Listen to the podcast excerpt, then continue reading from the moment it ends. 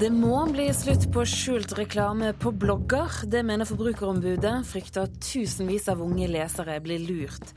Innvandringsdebatten hadde trengt at akademikerne deltok mer og knuste noen av mytene, mener redaktør av bok om høyreekstremisme. Og Tror jeg vi har venta Hvor mange år vi har venta på? 20 år for å se på det. Ja, Det er noen år siden, men i går så begeistret New Kids on the Block og Backstreet Boys-fansen sin i Oslo. Vi skal høre hvordan dette går i Kulturnytt. Riktig god morgen, velkommen til oss forresten. Først til Forbrukerombudet, som tror at lesere blir lurt av skjult reklame på blogger. De advarer nå mot fenomenet. De som bruker bloggene som reklamekanal, må også ta ansvar, det krever ombudet. Mange bloggere tjener gode penger på reklame. Maskaraen Å, den er så sykt bra. Endelig har jeg funnet en maskara som oppfyller alle mine Ja, OK, det er litt sånn det er, veld, det er, jo veldig sånn Skal vekke oppmerksomheten til Ja, ganske overdrevet. 15-åringene Dina Birk og Bror ser igjennom blogger på internett. Bilder av solbrune, vakre, unge pynta jenter, såkalla rosabloggere, popper opp. Bloggerne skriver om livet, mote og om sminke og klede de anbefaler. Men 15-åringene synes det er vanskelig å se hva som er reklame. Personlig ser det ikke ut som noe reklame i det hele tatt. Fordi det er ikke noe reklame hvor de sier 'love them' på slutten. Og... Forbrukerombud Gry Nergård vil sile ut skjult reklame på blogger. Spesielt de såkalte rosabloggerne har blitt en ettertrakta reklamekanal for mange nettbutikker. Det er jo ganske mye reklame på blogg, og det er mange som ikke tenker på det. Fordi når man ser på en blogg, så ser det ut som den som har skrevet bloggen, bare gir uttrykk for sine egne meninger. Men veldig ofte så viser det seg at den har fått betalt for å skrive fordelaktig om et produkt, eller fått, om ikke penger, fått produkter, kanskje andre gode avtaler. Så det er en form for skjult reklame. Flere av rosabloggene har mange tusen lesere hver dag. Og det at de som leser bloggene er unge og uerfaren, gjør det at det kanskje er vanske, enda vanskeligere for de å gjennomskue at det her er reklame, og at det kanskje ikke bare er den populære jenta som skriver bloggen som selv mener at det er så godt produkt. da vi forbrukerne skal vite når vi ser reklame. For da vurderer vi det vi ser som reklame, og har et mer kritisk blikk på det enn vi har på andre ting som vi leser. Ombudet har sendt ut retningslinjer til de mest leste bloggerne. En av dem er Lene Orvik. Jeg har lest mine retningslinjer og ja, innfunnet meg med det, og det syns jeg ikke er noe problem.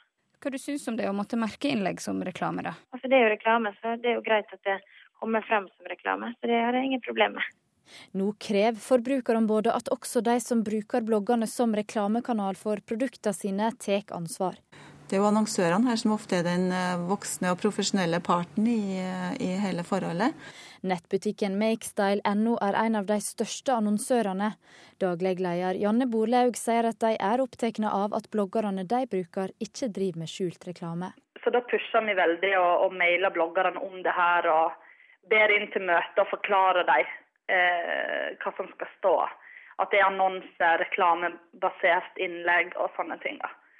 Nå har vi òg laget kontrakter der de skriver under på at de eh, plikter seg å følge loven. Da. Tilbake hos 15-åringene har de studert rosabloggene litt mer, og de er ikke i tvil om at mange blir lurt. Jeg tror det er veldig mange som ikke ser at dette liksom er en reklame. At det er mange som liksom går rett på. Reporteren var Eirin Årdal og Katrine Nybø.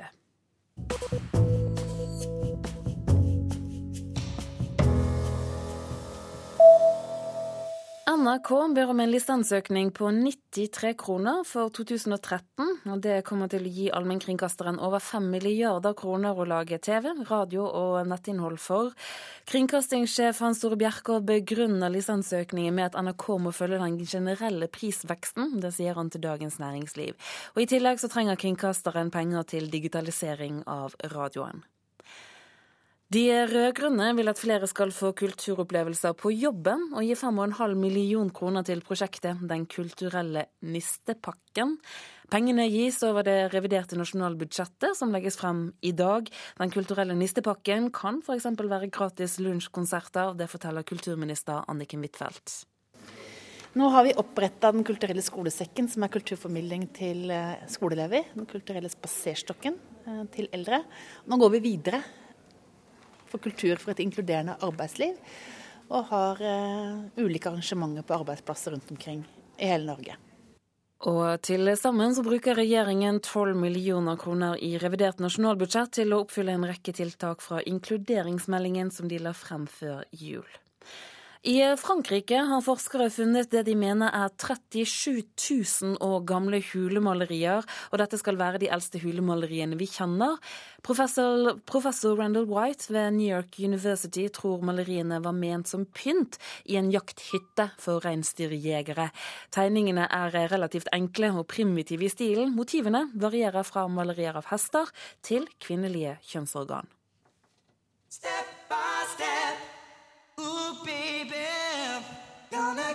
To you, girl.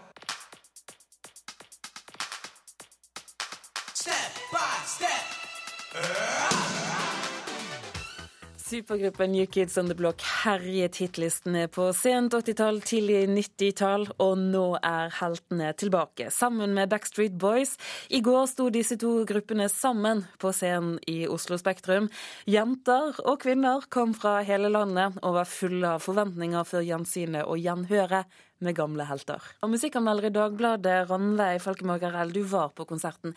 Ble det valuta for pengene?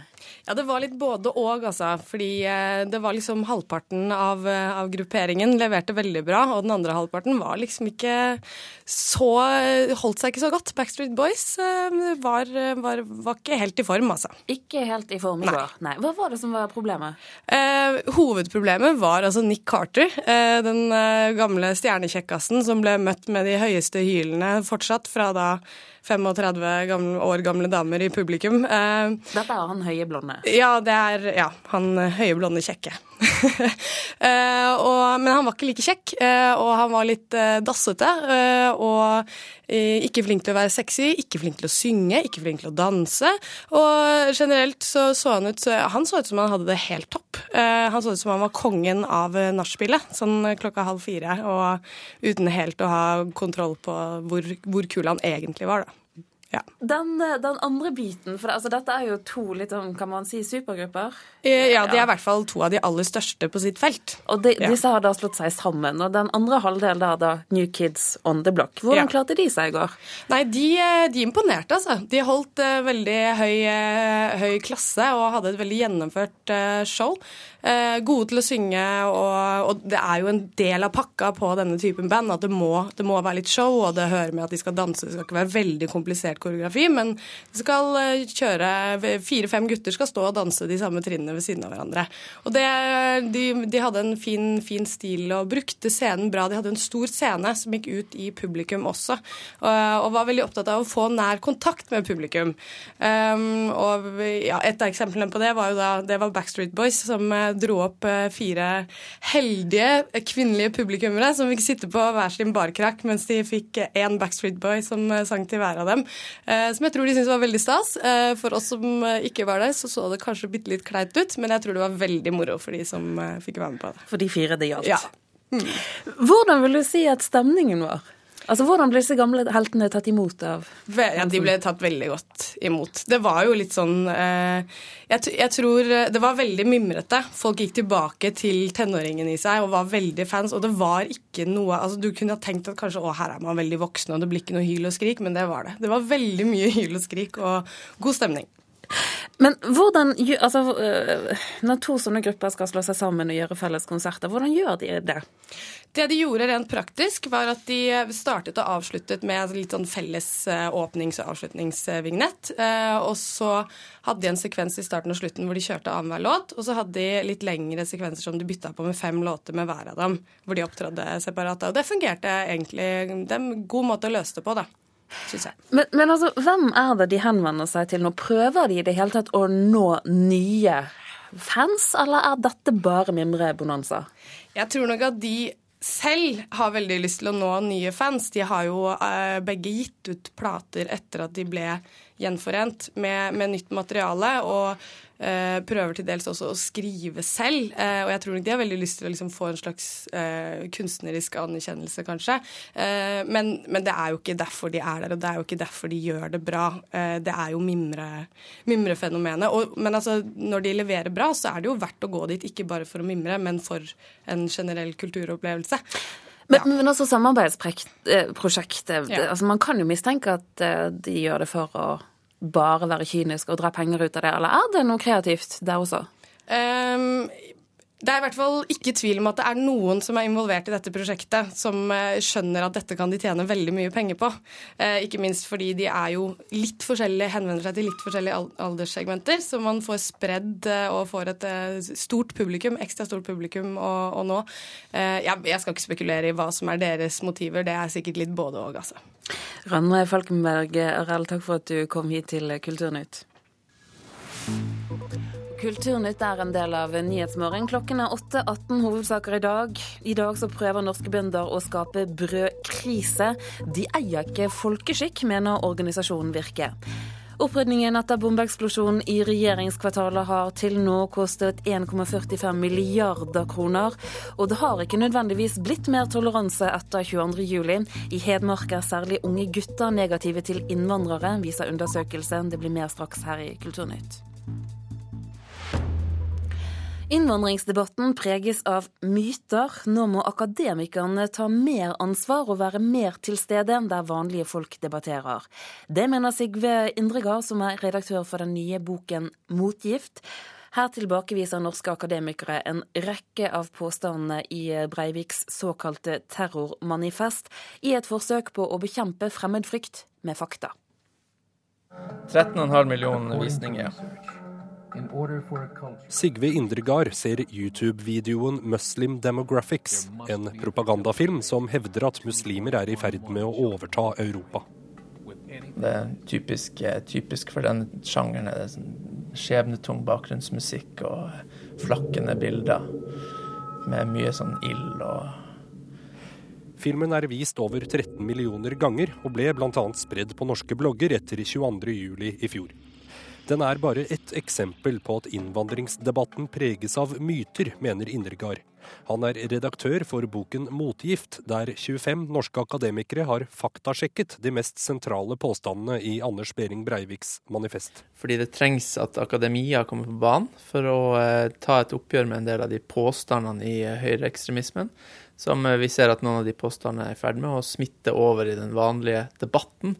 Og da trengs det å gå disse påstandene etter i sømmene for å eh, se hva som er galt med dem, hvis det er noe galt, og rett og slett få debatten over på et spor der vi tar utgangspunkt i fakta og, og det vi vet, i stedet for eh, de ganske ville påstandene da, som bl.a. fremgår i, i Anders Behring Breiviks terrormanifest og andre deler av den høyreekstreme diskursen.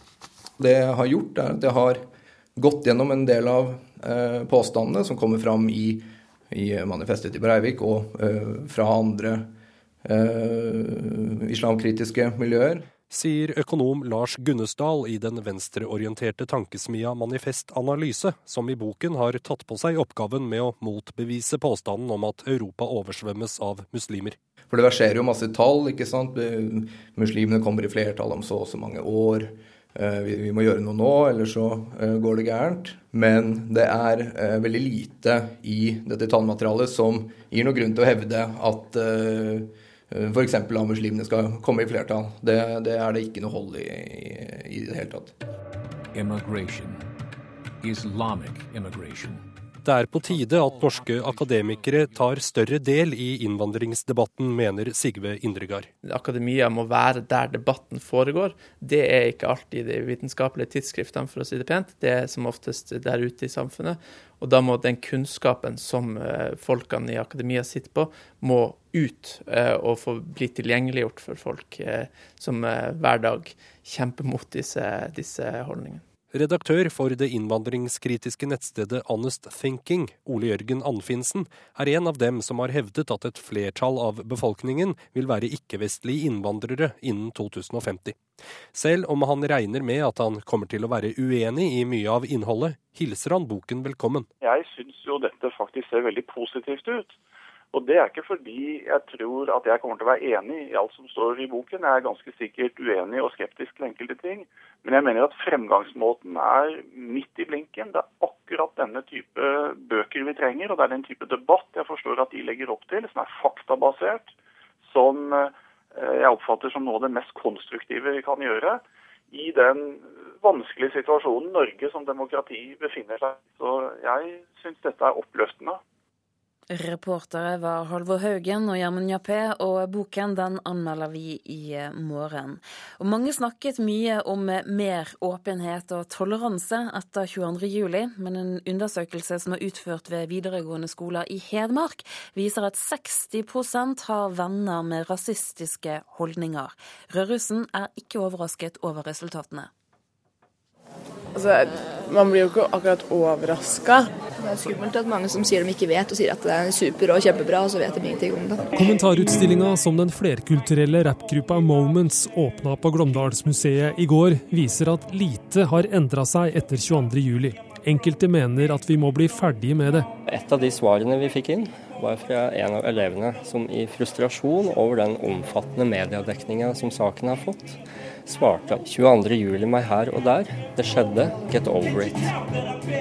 Til tross for at det etter 22.07 var mange vakre ord om demokrati og toleranse, spørreundersøkelsen som er gjort blant 350 videregående skoleelever fra hele Hedmark, tyder ikke på at innvandring og integrering har vært det store temaet, sier museumslektor Sigurd Nilsen, som er ansvarlig for den flerkulturelle satsinga ved fylkesmuseet. Vi var overraskende, eh, og vi hadde trodd at eh, mange skulle endre holdning til innvandring og rasisme etter 22.07. Vekk meg, Gud. I undersøkelsen Hedmark fylkesmuseum har gjort, svarer 60% av elevene at de har venner med rasistiske holdninger. Det sier bare altså, Man tror jo at bare de har brune øyer, så er det muslimer. Og de kommer til å gjøre noe med landet vårt som er helt forferdelig, eller noe sånt noe. Det begynner, alt begynner i uvitenhet. 30% av de som svarte, tror muslimer utgjør 25% eller mer av Norges befolkning. Det riktige tallet er 2% Norge er hvitt om vinteren og skal være det om sommeren òg. Leder i Hedmark AUF, Elisabeth Dreyer Sisselrud, var på Utøya og sier dette om resultatene i undersøkelsen. Jeg visste at eh, det fins rasistiske holdninger, det fins mennesker med rasistiske holdninger, men eh, tallet var nok høyere enn det jeg hadde forventa at det skulle være. Selve utstillinga består av en videoinstallasjon laget av kunstneren Aurora Sandlilje, som opplevde rasismeopptøyene i Brumunddal på 90-tallet. Utstillinga vises nå samtidig ved alle de åtte avdelingene til Fylkesmuseet i Hedmark. Vi ønsker å skape en debatt, eh, men vi driver også kunnskapsformidling. Jeg tror undersøkelsen vår er representativ ved at bildet er veldig sammensatt, og det viser denne utstillingen også. Vi eh, avdekker rasistiske utsagn, men vi avdekker også veldig positive utsagn om innvandring eh, i folks nærmiljø. Og sånn er nok bildet i hele Norge. Men jeg kunne begynne med de to uh, unge representantene. Det ble jo Etter at utstillinga åpnet, var elever fra videregående og ungdomsskole invitert til paneldebatt. Norge har forandra seg veldig i de siste årene. Faranas Barami, regiondirektør i Integrerings- og mangfoldsdirektoratet, sier undersøkelsen viser at staten må satse mer på å spre kunnskap om innvandring til unge. Våre ungdommer, som er eh, blant de som sitter med mest kunnskap på videregående skolenivå, har et feil bilde av eh, befolkningssammensetningen. Vi må komme ut med mer fakta. Både stat og kommune og fylkeskommune. Vi alle har et ansvar for å gjøre noe med den situasjonen. Reporteren, det var Stein Eide. Dette er den første singel fra Beach Houses album Bloom. Albumet ble lansert på fredag, og dette bandet det har vært kritikerfavoritter siden debuten i 2006. Men eh, nå, på sitt fjerde album, så har de blitt litt for komfortable i sitt eget univers. Det mener NRKs anmelder Jørgen Hegstad. Bloom er Baltimore-duoen Beach Houses sitt fjerde album, og det andre siden gjennombruddet, Teen Dream, kom i 2010. For dem som hørte mye på det albumet, er det nye en naturlig videreføring, både fordi det bruker samme produsent og har fokus på å skape de samme bildene i hodet på lytteren. Drømmen om den duse, varme sommerettermiddagen med hvilepuls og fri dagen etter. Det er lett å bli forført av bandets billedskapingsevner når vokalist Victoria Legrand hvisker deg i øret, mens de mange syntlagene luller deg døsig. Det er det her som reindyrkes på Bloom, til den grad at man utover albumets gang innser at bandet søker etter sinnsstemninga gjør at de tar litt lett på oppgaven. Låtene flyter over i hverandre i et 80-tallsunivers. Et sted mellom indieheltene Cocteau Twins og balladesmekterne Johnny Hates Jazz. Og resultatet er fritt for motstand. Dusheten tar overhånd, og selv om de vet hvor de skal trykke på i refreng for å skape gåsehud hos lytteren, så trykker de på samme sted på låt etter låt. Til slutt blir man nummen på det punktet og tar seg av sånn bitte små stikk av motstand eller eksentrisme eller noe som kan bryte av døsinga litt, men siden de her øyeblikkene uteblir, så blir man mer og mer likegyldig til albumet jo flere ganger man hører det, til man slutt sitter igjen med kun tre-fire strålende låter. Det her er synd, for Beach House er svært nære å være gjennomført fantastisk. Denne gangen så kjenner de seg ikke over betegnelsen hyggelig, selv om jeg gjerne skulle sagt det var genialt i all sin ensretta tankegang. Musikk fra Beach House sitt eh, nye album, som ble anmeldt av eh, Jørgen Hegstad. Nyhetsmorgen fortsetter frem til klokken ni her i NRK P2, men Kulturnytt er over. Andrea Kvamme Hagen, Espen Hansen og Turi Grønbekk sier takk for følget.